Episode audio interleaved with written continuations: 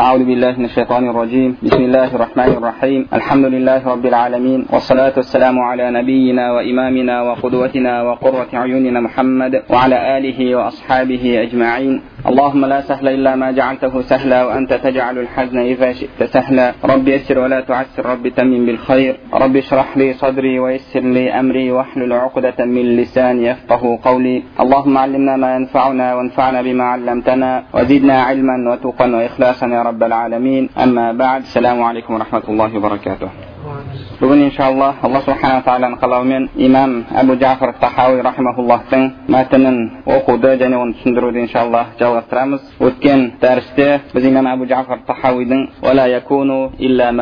еш нәрсе болмайды енді тікелей аударатын болсақ болмайды еш нәрсе илля тек қана ма юрид яғни тек қана қалағаны ғана болады яғни алла субханала тағаланың қалағаны болады нені қаласа қаламағаны болмайды. Бұл жайында жалпы мұсылмандар жаттаған сөз бар. Ол аллаху кәна алла субханала тағаланың қалағаны болады қаламағаны болмайды деген. Бұл жайында имам байхақи рахмауллах өзінің әли антиқад хидая кітабында келтіреді пайғамбарымыз саллаллаху алейхи уассаламнан. Имам пайғамбарымыз саллаллаху алейхи вассаламнан зайд бин сәбит әбу дарда және сол сияқты басқа сахабалардан келген дейді. Яғни мына сөздерді келтіреді. said. وقد روينا في حديث زيد بن الثابت وفي حديث أبي الدرداء وغيرهما أن النبي صلى الله عليه وسلم قال ما شاء الله كان وما لم يشاء لم يكن. بزجي رواية تلددد زيد بن ثابت جني أبو الدرداء جاني وبولي كونين صحاب صحابلردان رواية تلدد فيغمبر صلى الله عليه وسلم ما شاء الله كان وما لم يشاء لم يكن. الله سبحانه وتعالى خلقا بولاد خلمغان بولمايت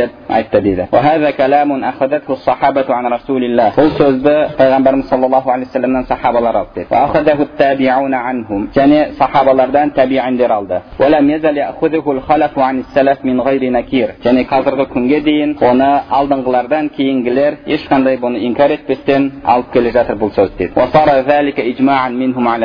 және бұл олардан ижма болып есептеледі яғни бұлардың бұл сөздің мағынасына келіскен білдіреді дейді барлығы бір ауыздан алла субханала тағаланың қалағаны болады қаламағаны болмайды деп бір ауыздан келіседі неге себебі жалпы барлық нәрсе алла субханала тағаланың қалауымен болады бұған келіспейтін ақыл иелері жоқ ал енді бір кейбір адамдар шығып жоқ алла субханала тағаланың кейбір қалағаны болады екінші бір қалағаны болмайды деген сөзді айтатын болса бұл сөз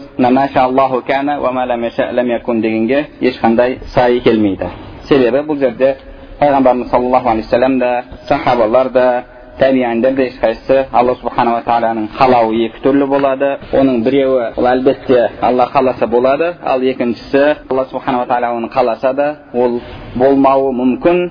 Деген сияқты сөзді ешкім айтқан емес ондай сөзді ешкім айтқан емес оны кейін кейбір адамдар шығып алла субханала тағаланың қалау сипатын дұрыс емес түсінгендіктен қалау сипаты яғни әл ирада немесе әл машиа екі түрлі келеді құранда да екі түрлі келеді яғни екі түрлі сөзбен келеді мағынасы бір әл машиа уәл ирада алла субханала тағаланың қалау деген сипаты енді қалау деген сифат не деген кезде біз өткен жолы түсіндіргенбіз әл ирада сифатун мухассиса сифатун мухассиса лил мумкинат би баъди ма яджузу алейха яғни ол қазақшаға қалай аударсақ болады тахсис дегенде белгілеуші сифат десек те болады белгілеуші яғни бір адам оның осы ғасырда туылуы мүмкін келесі ғасырда туылуы мүмкін. Бұдан 500 600 жыл алдын туылуы мүмкін еді. Бұның бәрі мүмкін нәрселер. Жалпы әл мәужудат бар болған нәрселер ақида ғылымында әл мәужудатты үшке бөледі. Біріншісі уәжибул вujud бар болуы уәжіп болған. Ол тек қана алла субханала тағала қатысты. Алла субханала тағала уәжибул вujud бар болуы уәжіп. Бар болуы уәжіп дегеніміз біреу келіп оны уәжіп етті деген мағынада емес.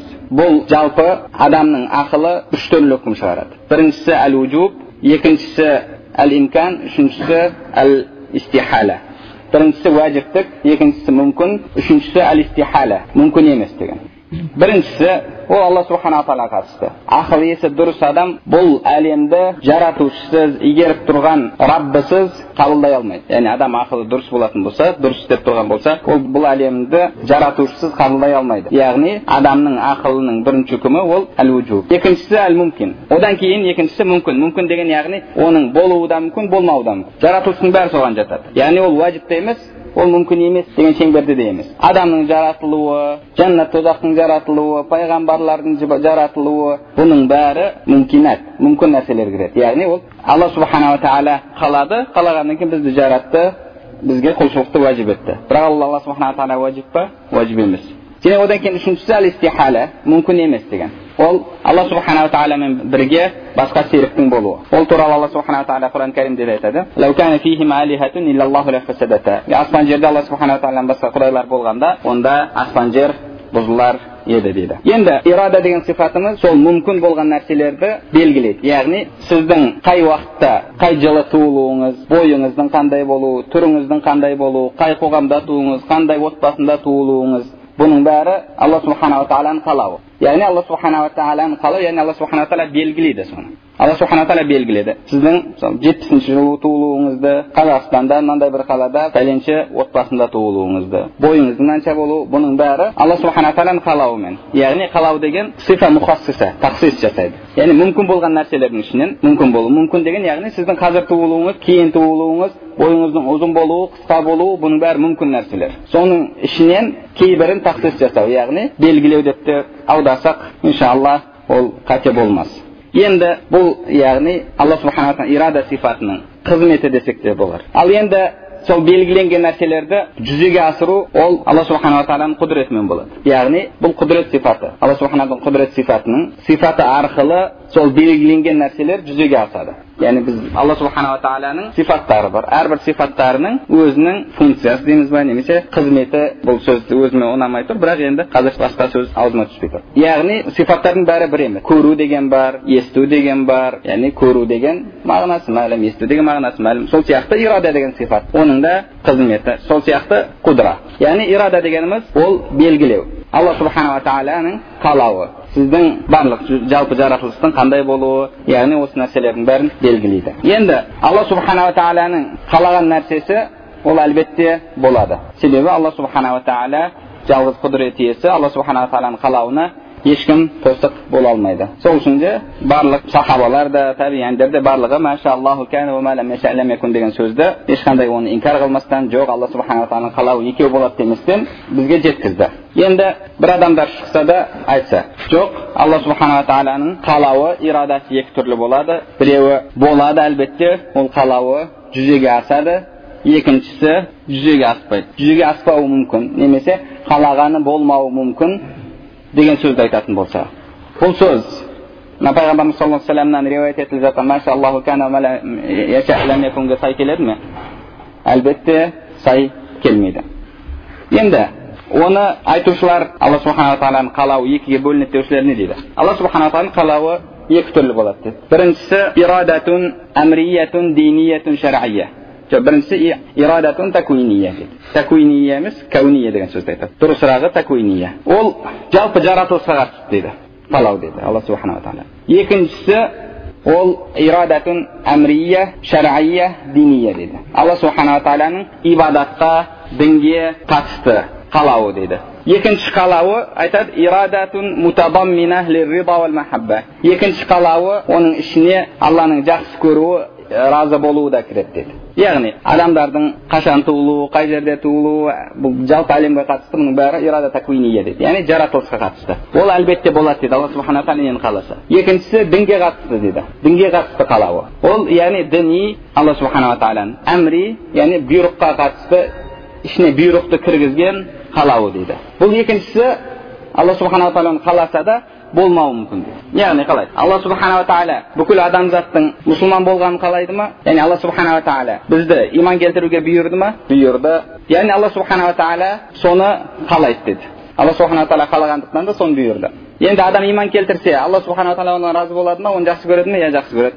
Яғни алла субханала тағала екінші бір қалауы оның ішіне бұйрық кіреді риза болуы махаббаты кіреді бұл дінге қатысты дейді енді алла субханала тағала бізге иман келтіруді бұйырды бірақ барлық адамдар иман келтіруді бұйырды яғни оны қалап тұр деді ал енді бүкіл адамзат иман келтіріп жатыр ма иман келтіріп жатқан жоқ енді алла субханала тағала иман келтіруді қалады ма адамзаттан қалады бірақ қалаған болып жатыр ма?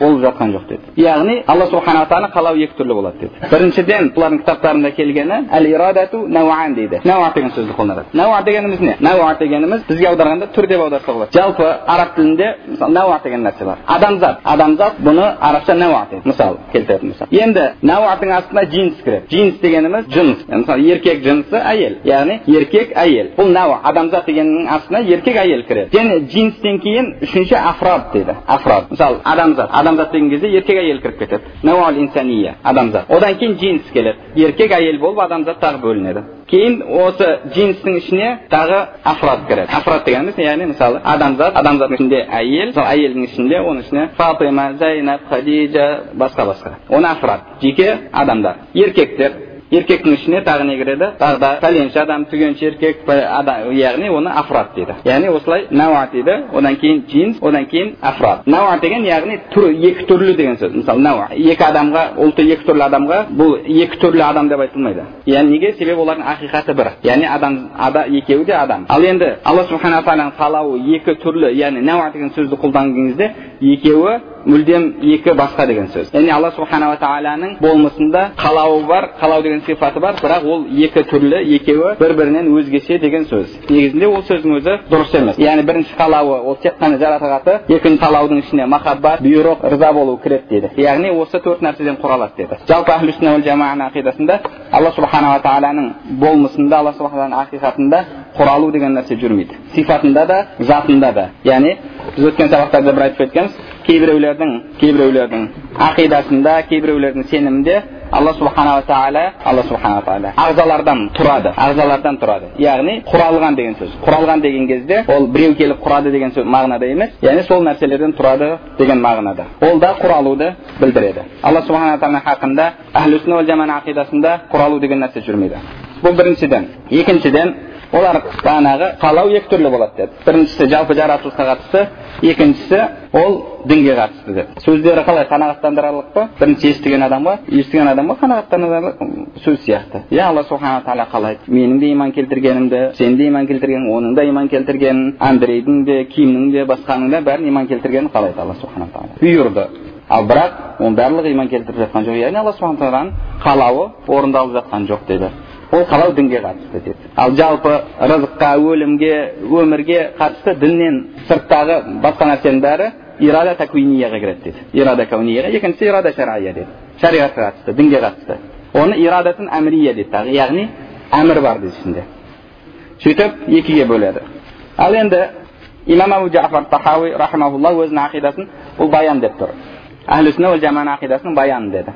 Біз басында сабағымызда айтып кеткенбіз баян деген яғни амал етуге жеткілікті деген сөз себебі оның антониумы ижмәл болады ижмәл амал етуге жеткіліксіз имам абу жафар тахауи араб тілін біледі өзінің не айтып жатқанын түсінеді ол кісі егер амал етуге жарамсыз сөздерді келтіріп жатса онда ол кісі менің ақидам баян деп айтпайтын еді мына айтып жатқан сөздерін баян деп айтпайтын еді керісінше ижмәл деп айтатын еді баян мен ижмәлдің арасында үлкен айырмашылық бар яғни қазір қысқаша оны естімегендер болса бастарында қалып кетпесін ол не екен деп ижмәл деген амал етуге жеткіліксіз сөздер мысалы алла субхана тағала құран кәрімде намаз оқыңдар зәкат беріңдер деп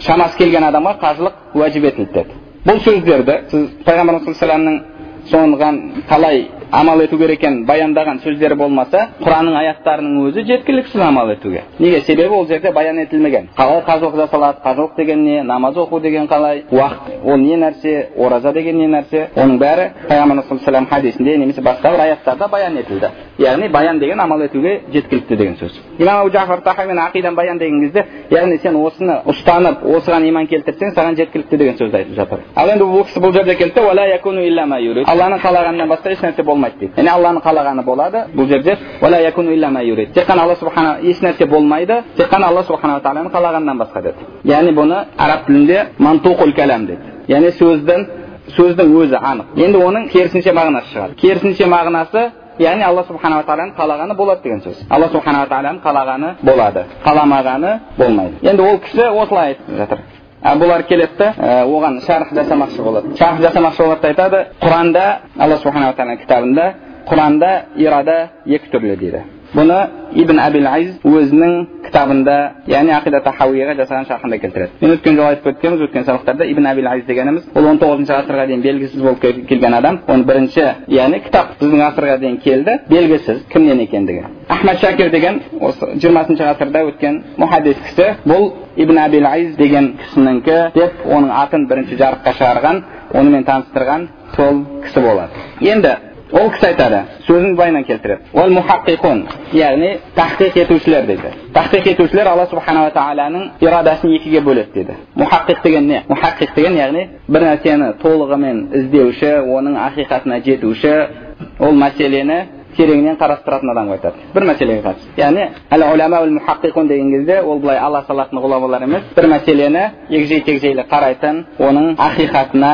жетеді толығымен іздестіретін адамдарға айтылады мухаққиқун құранда ирада екі түрлі деп айтады дейді яғни ол кісінің бұл сөзімен алатын болсақ онда имам абу джафар тахауи рахмаулла олардың қатарына кірмейді неге себебі ол кісі ираданы екіге бөліп жатқан жоқ яғни алла субхана тағаланың қалауы және одан кейін айтады екіге бөледі оның біріншісі былайынан bilan keltiradi ya'ni yuz o'n oltinchi betida val muhaqqiqun min ahli sunna yaquluna al iradatu fi kitabillahi naw'an iradatun qadriyya ya'ni qadariyya ikki turli o'quva bo'ladi kauniyatun xalqiyya va iradatun diniyatun amriyatun shar'iyya ya'ni ahli sunnaning muhaqqiq ulamolari alloh subhanava taoloni kitobida allohning qalovi ikki turli bo'ladi deb aytadi dedi ya'ni qur'onda so'l kelgan dedi hozir қандай аяттарды дәлел келтіреді оған иншалла тоқтаймыз әл ирадату фи китабиллахи науан ирада алланың кітабында екі түрлі деп айтады деді біріншісі ирадатун қадрия кауния халқия алла субхана тағаланың қадар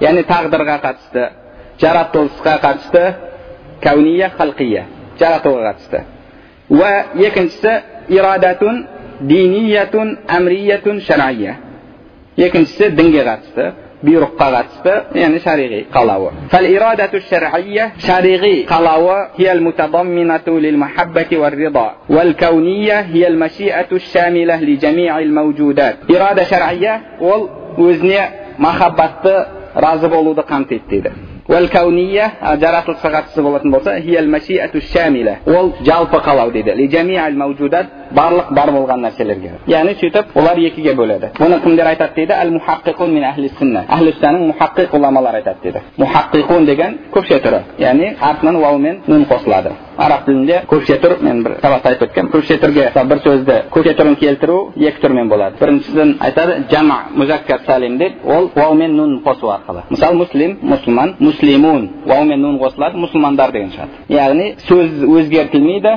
тек қана артынан уау мен нун қосылады егер мужской род болатын болса женский род болатын болса алиф пен қосылады мысалы муслиматун муслиматун көкше түрі енді екінші түрі ол жама таксир деп яғни сындыру арқылы негізгі сөзді өзгерту арқылы мысалы ражул еркек риджалун еркектер яғни сөздің формасы өзгеріп жатыр сәл бір әріптер қосылуымен енді бұл жерде әл мухаққиқун мухаққиқ ғұламалар деді әхлі сүннаның ал имам абу джафар тахауи олардың қатарына кірмейді екен олардың көзқарасында себебі имам абу джафар тахауидің сөзіне жасаған шархында соны айтып жатыр яғни бұл сөз ол кісіге қарсы сөз себебі ол тек қана алланың қалағаны болады қаламаған ешнәрсесі болмайды деді қалағанның барлығы болады деді ал бұлар келді жоқ алла субхан тағаланың қалауы екі түрлі болады біреуі болады екіншісі болмауы мүмкін дейді және оған құранда мынандай аяттар бар деді оған құранда мынандай аяттар бар деді жалпы құранда алла субханала тағаланың қалау деген сипатына қатысты жүз қырықтай аяттар келеді соның ішінен олар осы алланың қалауын екі түрлі болатынын бес алты аяттан тауыпты ішінде бес алты аят бар екен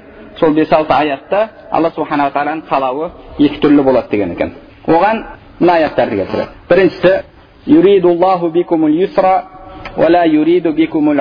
алла субханала тағала сендерге жеңілдікті қалайды ауырлықты қаламайды бұл біріншісі бақара сүресінде шахру рамадан құран рамазан айында құран нәзіл етілді худаллиннас адамдарға тура жол көрсету үшін және ақ пен қараны ажыратып беру үшін кімде кім айды көрсе ол ораза тұтсын кімде кім ауру болатын болса сафар немесе сапарда болатын болса сол күндерін есептеп кейін соны өтсін дейді одан кейін айтады алла субханала тағала сендерге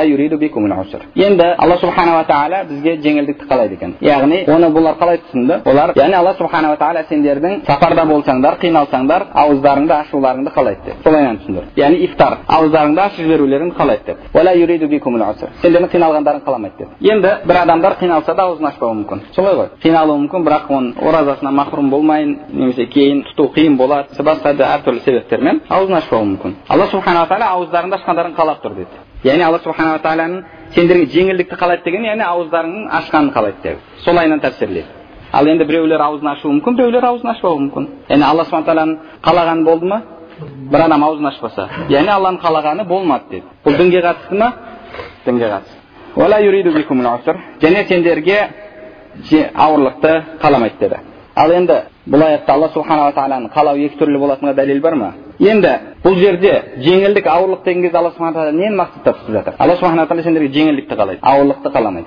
алла субханала тағала сол сөзден алдын өзінің үкімдерін түсірді сендерде кім ауру болатын болса сапарда болатын болса онда аузын ашсын деді аузын ашсын кейін сол күндер береді яғни аузын ашса оны кейін тұтып берсін деді. Алла субхана тағала сендерге жеңілдікті қалайды деді. Яғни бұл жерде айтылып жатқан нәрсе үкім жайында кетіп жатыр. Бұл үкім жайында кетіп жатыр. Шариғат жайында кетіп жатыр. Алла субханала тағала сендерге жеңіл үкімдерді нәзіл ету арқылы жеңілдікті қалайды. Алла субханала тағаланың қалауы бұл жерде үкімдерді түсіру. Жеңіл үкімдерді түсіру. Себебі шариғатта алла субхан тағала бізге шариғатта қиындықты қиындық берген жоқ. Алла субхан тағаланың діні жеңіл. Яғни жеңіл деген кезде адам көтере алатын үкімдер болмасам өзі тәклиф деген сөздің өзі негізінде ауырлықты білдіреді. Яғни мысалы бізде балағат жасына жеткен ақыл есі дұрыс мұсылман адамды мүкәлләф дейді. Мүкәлләф яғни оған шариғат жүктелген. Жүк деген сөздің өзі ауырлықты білдіреді. Адамды ұйқыны қиып намазға тұру қиын оңай емес ол. Қиындығы бар. Нәпсіні тежеп ораза тұту оның қиындығы бар. Біз қиындық жоқ деген кезде мүлдем қиыншылық жоқ деген сөз емес. Бірақ алла субхана тағаланың діні жеңіл яғни адамдардың жағдайына қарастырған. Енді алла субханала тағала бұл жерде бізге жеңілдікті қалайды деген яғни бізге жеңілдететін үкімдерді нәзіл етуі. Яғни алла субханала тағала бұл жерде біздің іс әрекетімізді яғни аузымызды ашуымызды қалайды деген сөз емес. Алла субхана тағала жеңілдікті қалайды деген. Яғни алла субхана жеңілдікті қалайды және жеңілдікті бізге қалаған үшін бізге сапарда ауырған кезімізде жағдайымызды қарастыратын жеңілдететін аяттар түсірді. Немесе түспей қалған аяттар бар ма? Аспанда асылып түспей қалған жерге аяттар бар ма жоқ алла субханала тағала қалады бізге жеңілдікті бізге жеңіл жеңілдікті қарастырған аяттар түсірді алла субханала тағала сендерге жеңілдікті қалайды деген сол ал енді біз алла субханала тағаланың жеңілдігін кейде адамдар алып жатыр кейде алмай жатыр яғни бұл жерде алла субханала тағаланың қалауы болмады емес алла субханала тағаланың бұйрығы алла субханала тағаланың бұйрығын адамдар орындайды кейде орындамайды ал енді ол бұйрыққа бұйрық қалауға кіреді ма кірмейді ма оған қазір тоқтаймыз немесе бұйрықтың ішіне қалау кіреді ма кірмейді ма оны иншалла қазір айтып кетеміз яғни бұл жерде олардың қателігі олар алла субхана тағала жеңілдікті қалайды деген кезде яғни сендердің ауыздарыңды ашуыңды қалайды деген мағынада түсіну ал негізінде аят бұл жерде ол жеке адамның ауыз ашу жайында кетіп жатқан жоқ бұл жерде шариғат жайында кетіп жатыр алла субхана тағала сендерге жеңілдікті қалайды сол үшін де сендерге сол ораза болған адамға қатысты ауру болған адамға қатысты өзінің сөздерін түсірді. Сол арқылы бізге жеңілдікті қалайды. Ал енді бұл жерде бір алланың қалауы екі түрлі болатынына бір дәлел бар ма? Бұл жерде оған ешқандай дәлел жоқ. Енді екінші мына аятты келтіреді.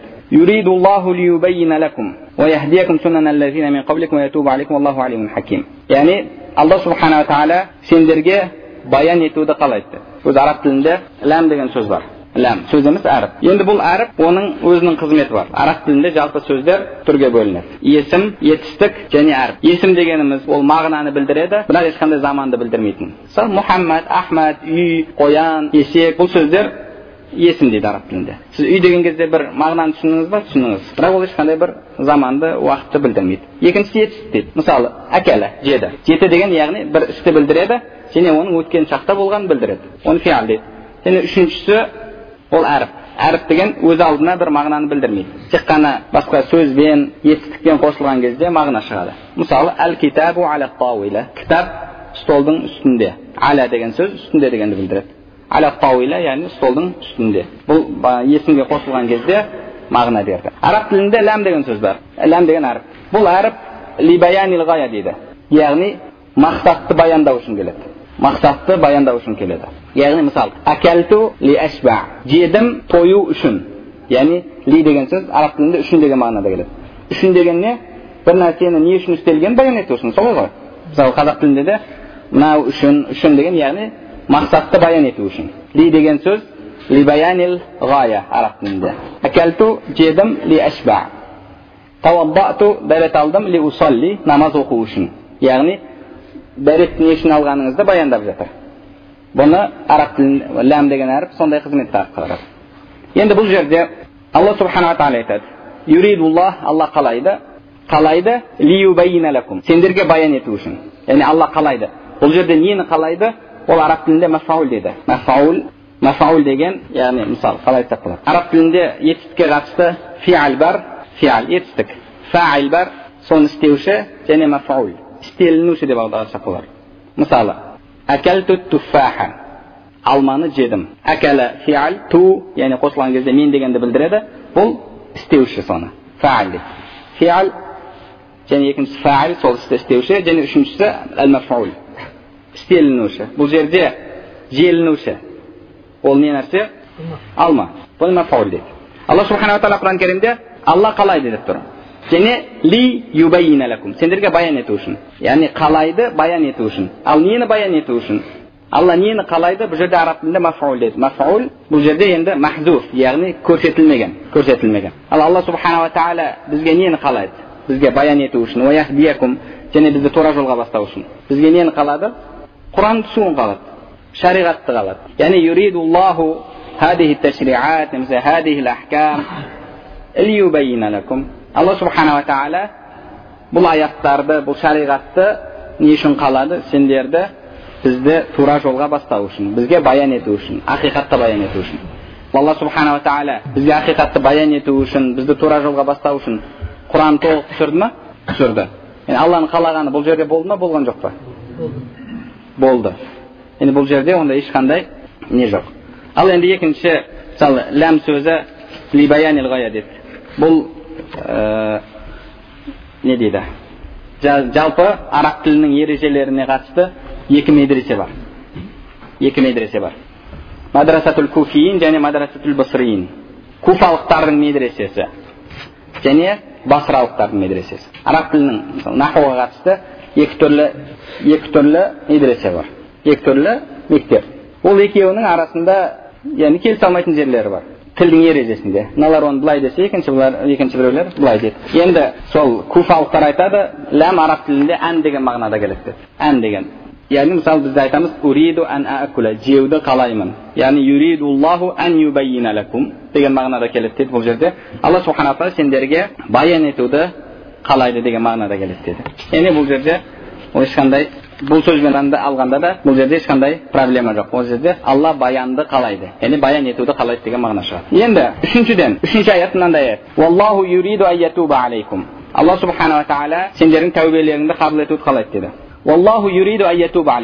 араб тілінде тәуба сөзі бар тәуба деген сөз нені білдіреді негізгі сөздік мағынасы қандай оның тәба ятубу тәба ятубу тәба араб тілінде қайту деген сөз қайту дегенді білдіреді енді тәуба деген сөз қайту деген сөз аллаға қайту яғни аллаға қайту дегеніміз адам негізінде алламен бірге болу керек қайту деген сөз яғни негізгі мекенге айтылады қайту деп яғни адам негізінде алла субхан тағаламен бірге болу тәуба қылу деген яғни адам негізіне қайту деген сөз енді тәба иля деп келеді және тәба аля деп келеді иля аля бағана біз айтып кеткен араб тілінде үшке бөлінеді қос сөздер соның бірі әріп тәба иля ол пендеден болатын аллаға тәубе ету мысалы біреу аллаға тәубе етті дегенді айтатын болсақ тәба илаллах деді құранда иман келтіргендер алла субханала тағалаға шынайы тәубе етіңдер алла субханала тағалаға пенде қашан тәубе етсе алла субханала тағала оған оның тәубесін қабыл етеді оны араб тілінде тәба аля деп келеді яғни пендеден болған кезде ол тәба иля болса алла субханала тағаладан болған кезде оның тәубесін қабыл ету ол тәба аля деп келеді сендерге енді тәуба дегеніміз қайту деген сөз мысалы имам файруз абади имам файруз абади өзінің қамус мухит атты кітабында айтады яғни бұл словар кітап араб тілінен араб тіліне таба илаллахи таубан ва матабан ва табатан ва аллаға тәубе етті деген сөз ол күнәдан қайтты деген сөз оны істеуші адам таиб деп аталады және тәуап деп аталады және алла оған тәубе етті деген сөз яғни бұл жерде оны тәубе қылуға оны жеңілдетуі оны алла субханала оны қиындықтан жеңілдікке қайтаруы немесе оған жақсылығымен қабыл етуімен қайтуы дейді яғни кім алла субхан тағалаға тәубе етіп күнәдан қайтатын болса алла субханала тағала оған жақсылығымен қайтады оған жақсылығымен қабыл етуімен қайтады ол өзінің пенделеріне тәуап деді енді араб тіліндегі тәуба сөзі қайту дегенді білдіреді екен енді алла субханала тағала бұл жерде құран кәрімде айтып тұр алла субханала тағала сендердің тәубелеріңді қабыл етуді қалайды дейді яғни қабыл ету тәубелеріңді қабыл ету үшін. Ал тәубені қабыл ету үшін бізден тәубе болу керек. Солай ғой.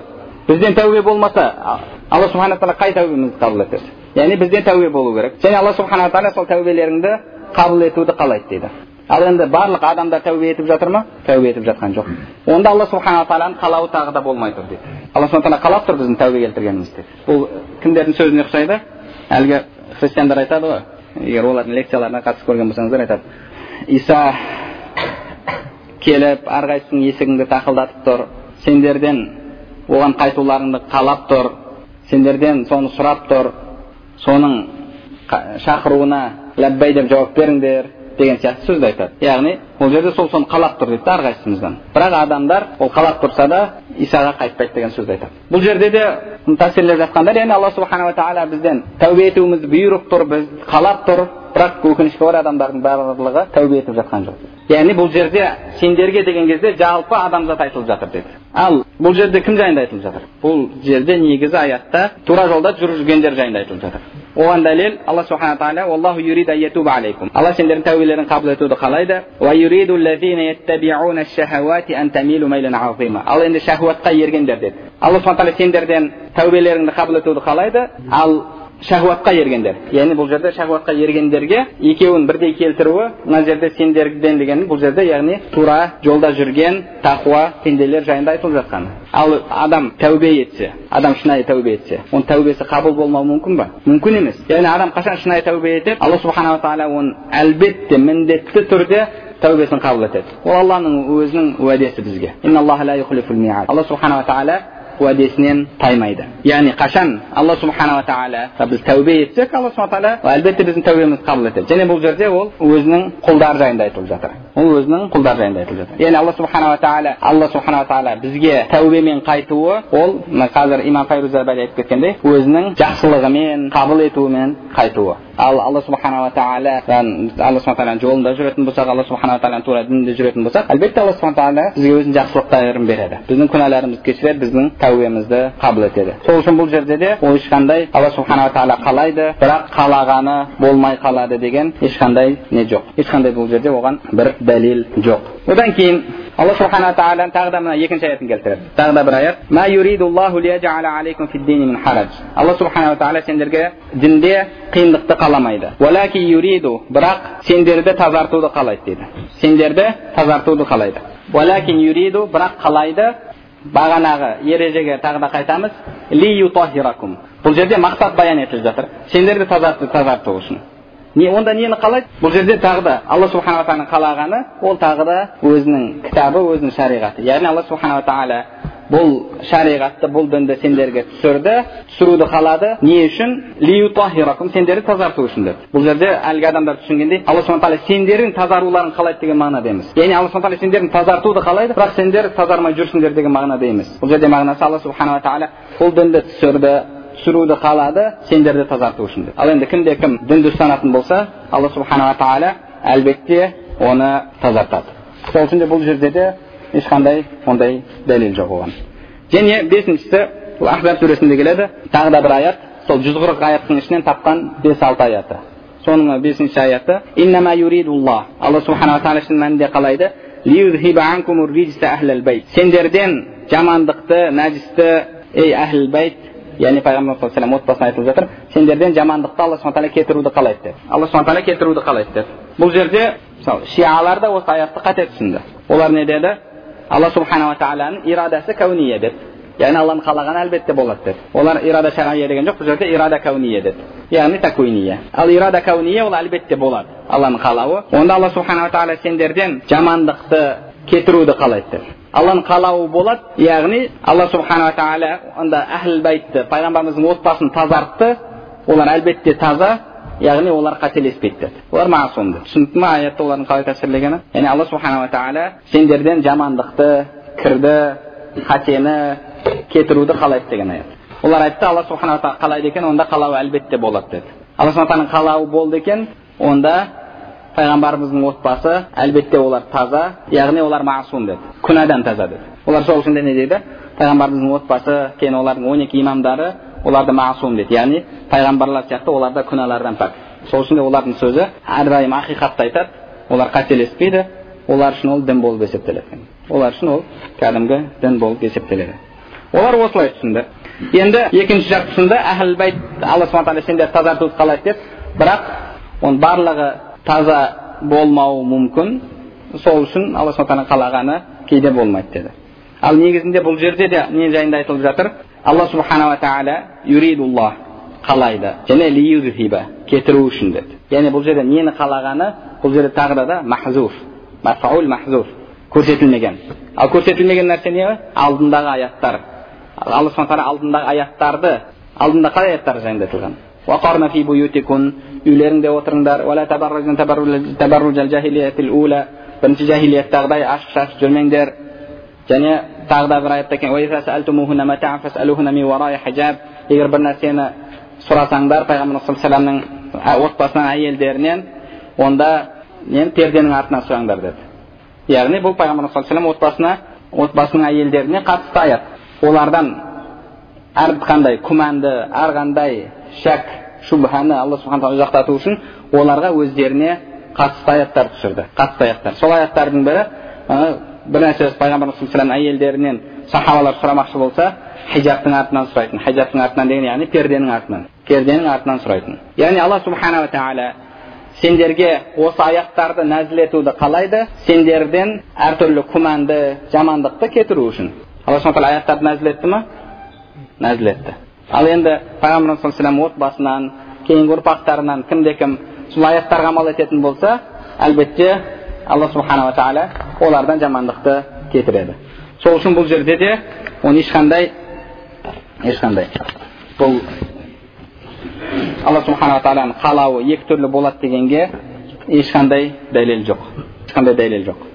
Яғни бұл жерде олардың бірінші қатесі алла субханала тағаланың әмірі қалауын білдіреді деді негізінде бірінші қате бұл жерде кеткені бұйрық пен қалауды біріктіру бұйрық дегеніміз не бұйрық дегеніміз ол талабул фиал талабул фиал ол бір нәрсені істеуді талап ету ол жерде оның ирадаға яғни алланың қалауына оның ешқандай қатысы жоқ бұйрық ол басқа нәрсе ирада ол біз бағанағыдай айтқандай ол белгілеуші сипат белгілеуші сипат яғни екеуі екі түрлі нәрсе ол екеуі бір нәрсе емес яғни адамдар күнә істеген кезде олар алла субханала тағаланың қалауына қарсы жұмыс істеп жатқан жоқ. Адамдар күнә істеген кезде алланың бұйрығына қарсы алланың бұйрығына қарсы. Бұйрық пен қалауды ажырата білу керек. Қалай алла субханала тағаланың қалауына қарсы біреу жұмыс істейді? Ол қандай сөз? Алланың қалауына қарсы деген сөз. Е мысалы мынау абдулмунай мұстафа халима деген кісі бар. Сол жәмиада ұстаз жәмиада ксада енді қай несінде екенін білмеймін қазір анық есімде жоқ сол өзінің кітабында айтады өзінің кітабы болғанда сол ибн абил азиздың имам тахауидің ақидасына жасаған шархын қысқартқан яғни өңдеп ретке келтірген сол айтады өзінің кітабының алпыс бесінші бетінде екінші қалау ол діни шариғи қалау дейді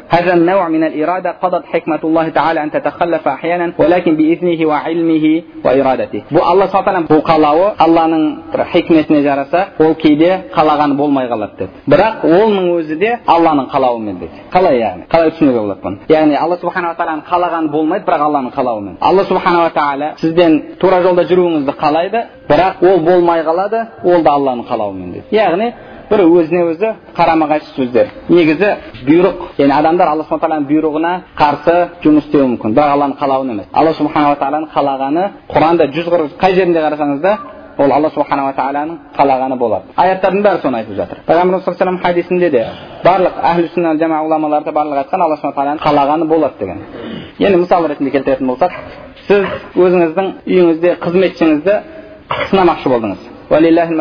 Және әлбетте алла субхан тағалаға ұлы мысалдар лайық яғни біз тек қана бір жақындату үшін бір түсінікті болу үшін айтып жатыр сіз өзіңіздің қызметшіңізді сынамақшы болдыңыз. Сынамақшы болдыңыз да оған ақша бердіңіз сөйтіп базарға жібердіңіз. Мә анау мынау алып кел деп тексеру үшін оны ақша бердіңіз да оны еркіне қойып қойдыңыз ол барып та сіздің ақшаңызды дұрыс емес пайдаланып яғни сіздің ақшаңызға сізге қиянат жасады сіз оның оның қиянатын қаладыңыз ба немесе қиянат жасамай барып адал жұмсап келді ол қиянат жасаған күнде де сіз оны қалап тұрсыз қиянат жасамаған күнде де сіз оны қалап тұрсыз қалайша сіз сынауды қаладыңыз яғни сол нәтижені білуді қаладыңыз түсінікті ма яғни сіз сол нәтижені білуді қаладыңыз бұл жерде әлбетте айырмашылық өте үлкен алла субханала тағала бәрін алдын ала бәрін білуші алла субханала тағала бізге ерік берді сынау үшін яғни сіз қайсысын істесеңіз де ол алланың қалауы себебі алла субханала тағала бізге сынау үшін ерік берді яғни мысалы мұғалім жыл бойы оқыңдар оқыңдар оқыңдар талап етеді бұйырады оқыңдар деп бірақ жылдың соңында емтихан жасайды дұрыс па емтихан не үшін жасайды сол бұйрық орындалды ма орындалмады ма соны көру үшін және ол емтиханның нәтижесіне қарай яғни оның қалағаны емтихан болды бұйрық емтихан не үшін ол көру үшін кім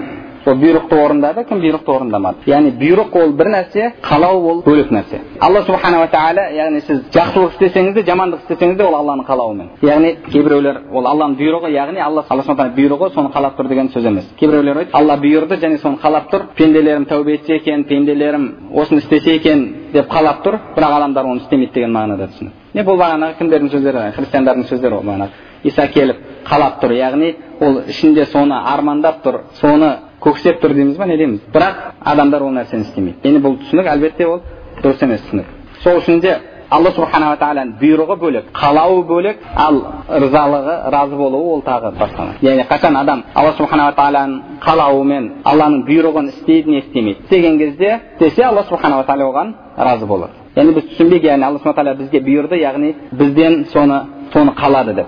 Әрбір жеке адамнан соны қалады деп. әрбір жеке адамнан соған амал етуді қалағанда онда алла субхан тағала құран кәрімде айтқандай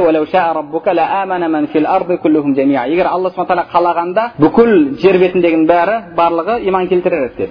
Яғни алла субханала тағала бізден иман әрқайсымыздан жеке жеке біздің иман келтіруімізді қалағанда бұйырғанда емес бұйрық қойды бірақ қалағанда онда барлығы иман келтірген болар еді бірақ алла субханала тағала барлығымызға оны қалаған жоқ қалаған жоқ дегенде яғни оны бізге белгілеген жоқ өзінің себебі алла субханала тағала барлық нәрсені алдын ала білуші. Кімнің тәубе етеді кімнің тәубе етпейді кімнің тура жолда жүреді кімнің тура жолда жүрмейді оның барлығын алла субхан тағала білуші. Сол үшін де алла субханала тағаланың жалпы сипаты да ол әуелден бар сипат ирада. Яғни кейбіреулер ойлайды мысалы ә, біз жалпы әхлі жамаада алла субханала тағаланың сипаттарында өзгеріп тұру жаңаланып тұру деген нәрсе жоқ. Мысалы сіз қалайсыз? Қалау деген не? Қалау деген адамда екі түрлі мағынада. Біреуі армандау деген мағынада екіншісі бір нәрсені белгілеу мағынасында. Алла субхан хақында ондай мағынада емес.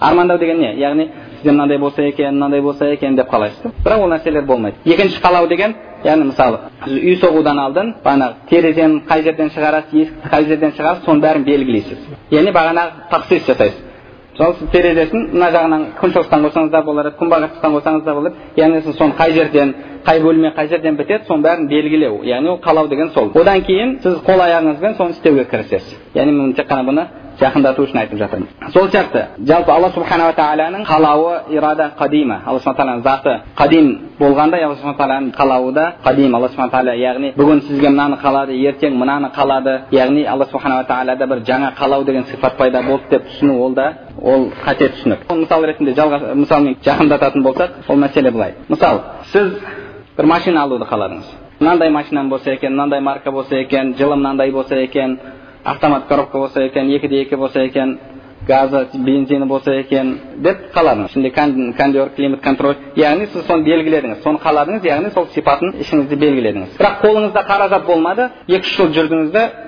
үш төрт жылдан кейін қолыңызға қаражат түскен кезде сол өзіңіз қалаған машинаны сатып алдыңыз. Немесе бір үй соғуды армандап жүр яғни сіз оны өзіңіздің ойыңызда оны белгілеп қойғансыз. Қалай болатынын түрін басқасын. Қолыңызда қаражат болмады да сіз оны соға алмай жүрдіңіз. Кейін қолыңызға қаражат түскен кезде сіз соны соқтыңыз. Бұл соққан үйіңіз сіздің бұрынғы қалауыңызбен болды. Яғни бұрынғы қалауыңыз қазір жүзеге асты. Яғни алла субханала тағала әуелде әуелде. Барлығын алла субхан алдын ала біледі және алла субхан барлығын белгілеп қойған. Бірақ сол белгіленген нәрсенің уақыты болған кезде сол нәрсе алла субхан тағаланың құдіреті арқылы жүзеге асады. Яғни алла субхан тағалада жаңа қалау пайда болды деген сөз емес ол. Яғни алла субхан тағала әуелде барлық нәрсені белгілеп қойған барлық нәрсені қалап қойған. Алла субханала тағала әуелде әбу ләхабтың кәпір болуын қалады әбу бәкір радиаллаху анхудың иман келтіруін қалады. Яғни қалады деген бұл жерде яғни соны мәжбүрледі деген сөз емес. Иншалла оның тағдыр мәселесіне келгенде оған тоқталамыз. Яғни қалау ол бір жаңадан қалады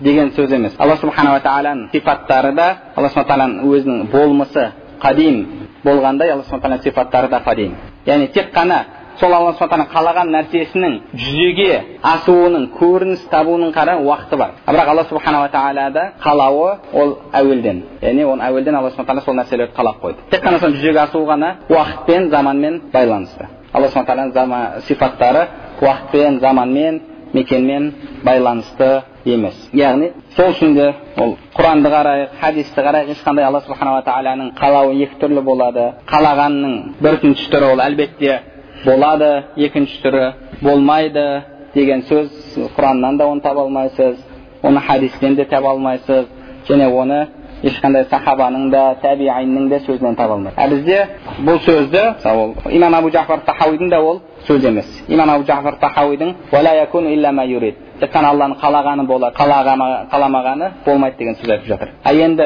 жоқ алланың қалауы екі түрлі болады біреуі болады біреуі болмай қалуы мүмкін деп айтушылар бұлар бағана деген сөзге де қайшы сөз айтып жатыр имам абу жафар тахауидің деген сөзіне де қайсы қайшы сөз айтып жатыр яғни сол үшін де біз иншалла алдыңғы сабақтарда да ол адамдар яғни олар біздің арамызда көптеп жүр олар имам абу жафар тахауидің ақидасына бұл бүкіл үммет қабылдаған ақида шарх жасаған сымақ болғанымен көптеген шархтар жасаған сымақ болғанымен олар имам абу жафар тахауиға негізінде ақидасында қарсы негізгі мәселелерде негізгі мәселелердің бәрінде қарсы сол үшін де көптеген жерінде көресіз бұл сөзі мужмәл яғни анық емес дейді да оны бұрмалауға әрекет жасайды. Иншалла оны құдай қаласа алла қаласа алла қаласа келесі алдағы сабақтарда да иншалла түсіндіреміз. Жалпы алла субханала тағаланың ирада сипатына қатысты түсінікті болды ма түсінікті болған жоқ па? Яғни алла субханала тағаланың қалауы біреу алла субханала сіз жақсылық істесеңіз де жамандық істесеңіз де барлығы алла субханала тағаланың қалауымен алла субханала тағаланың қалауынсыз еш нәрсе болмайды яғни алла субханала тағала қала деген сөз бұйырды деген сөз емес және бұйырды деген сөз соны сізден қалады деген сөз емес әрқайсысы өз алдына бөлек нәрсе бөлек нәрсе сол үшін яғни алла субханала тағала бұйырды бірақ сол бұйрықты орындауда орындамауда бізге ерік берді біз оны сол алла субханала бұйрығын орындамасақ онда ол да алланың қалауымен. Біз алла субхан тағаланың бұйрығын орындасақ ол да алланың қалауымен. Екеуі де алланың қалауымен. Біз бағана мысалды яғни сол иншалла түсінікті болды деп ойлаймын бағана бір базарға өзінің қызметшісін жіберген адам сияқты да. Ол құлы қызметкері қиянат жасаса да өзінің адалдығын көрсетсе де екеуінде де соны қалап тұрсыз неге себебі сіз соның білу үшін соның нәтижесін білу үшін сіз оған сол ерікті бердіңіз қолына ақшаны ұстаттыңыз. Түсінікті ғой иншалла иә? Және бұл құрандағы аяттар ол ешқандай алла субхана тағаланың қалауының екі түрлі болатынын білдірмейді. Алла субхана тағаланың қалауы біреу алла субханала тағала бәрімізге пайдалы білім нәсіп етсін білімдерімізге амал қылуымызды амалдарымыздың қабыл болуын нәсіп етсін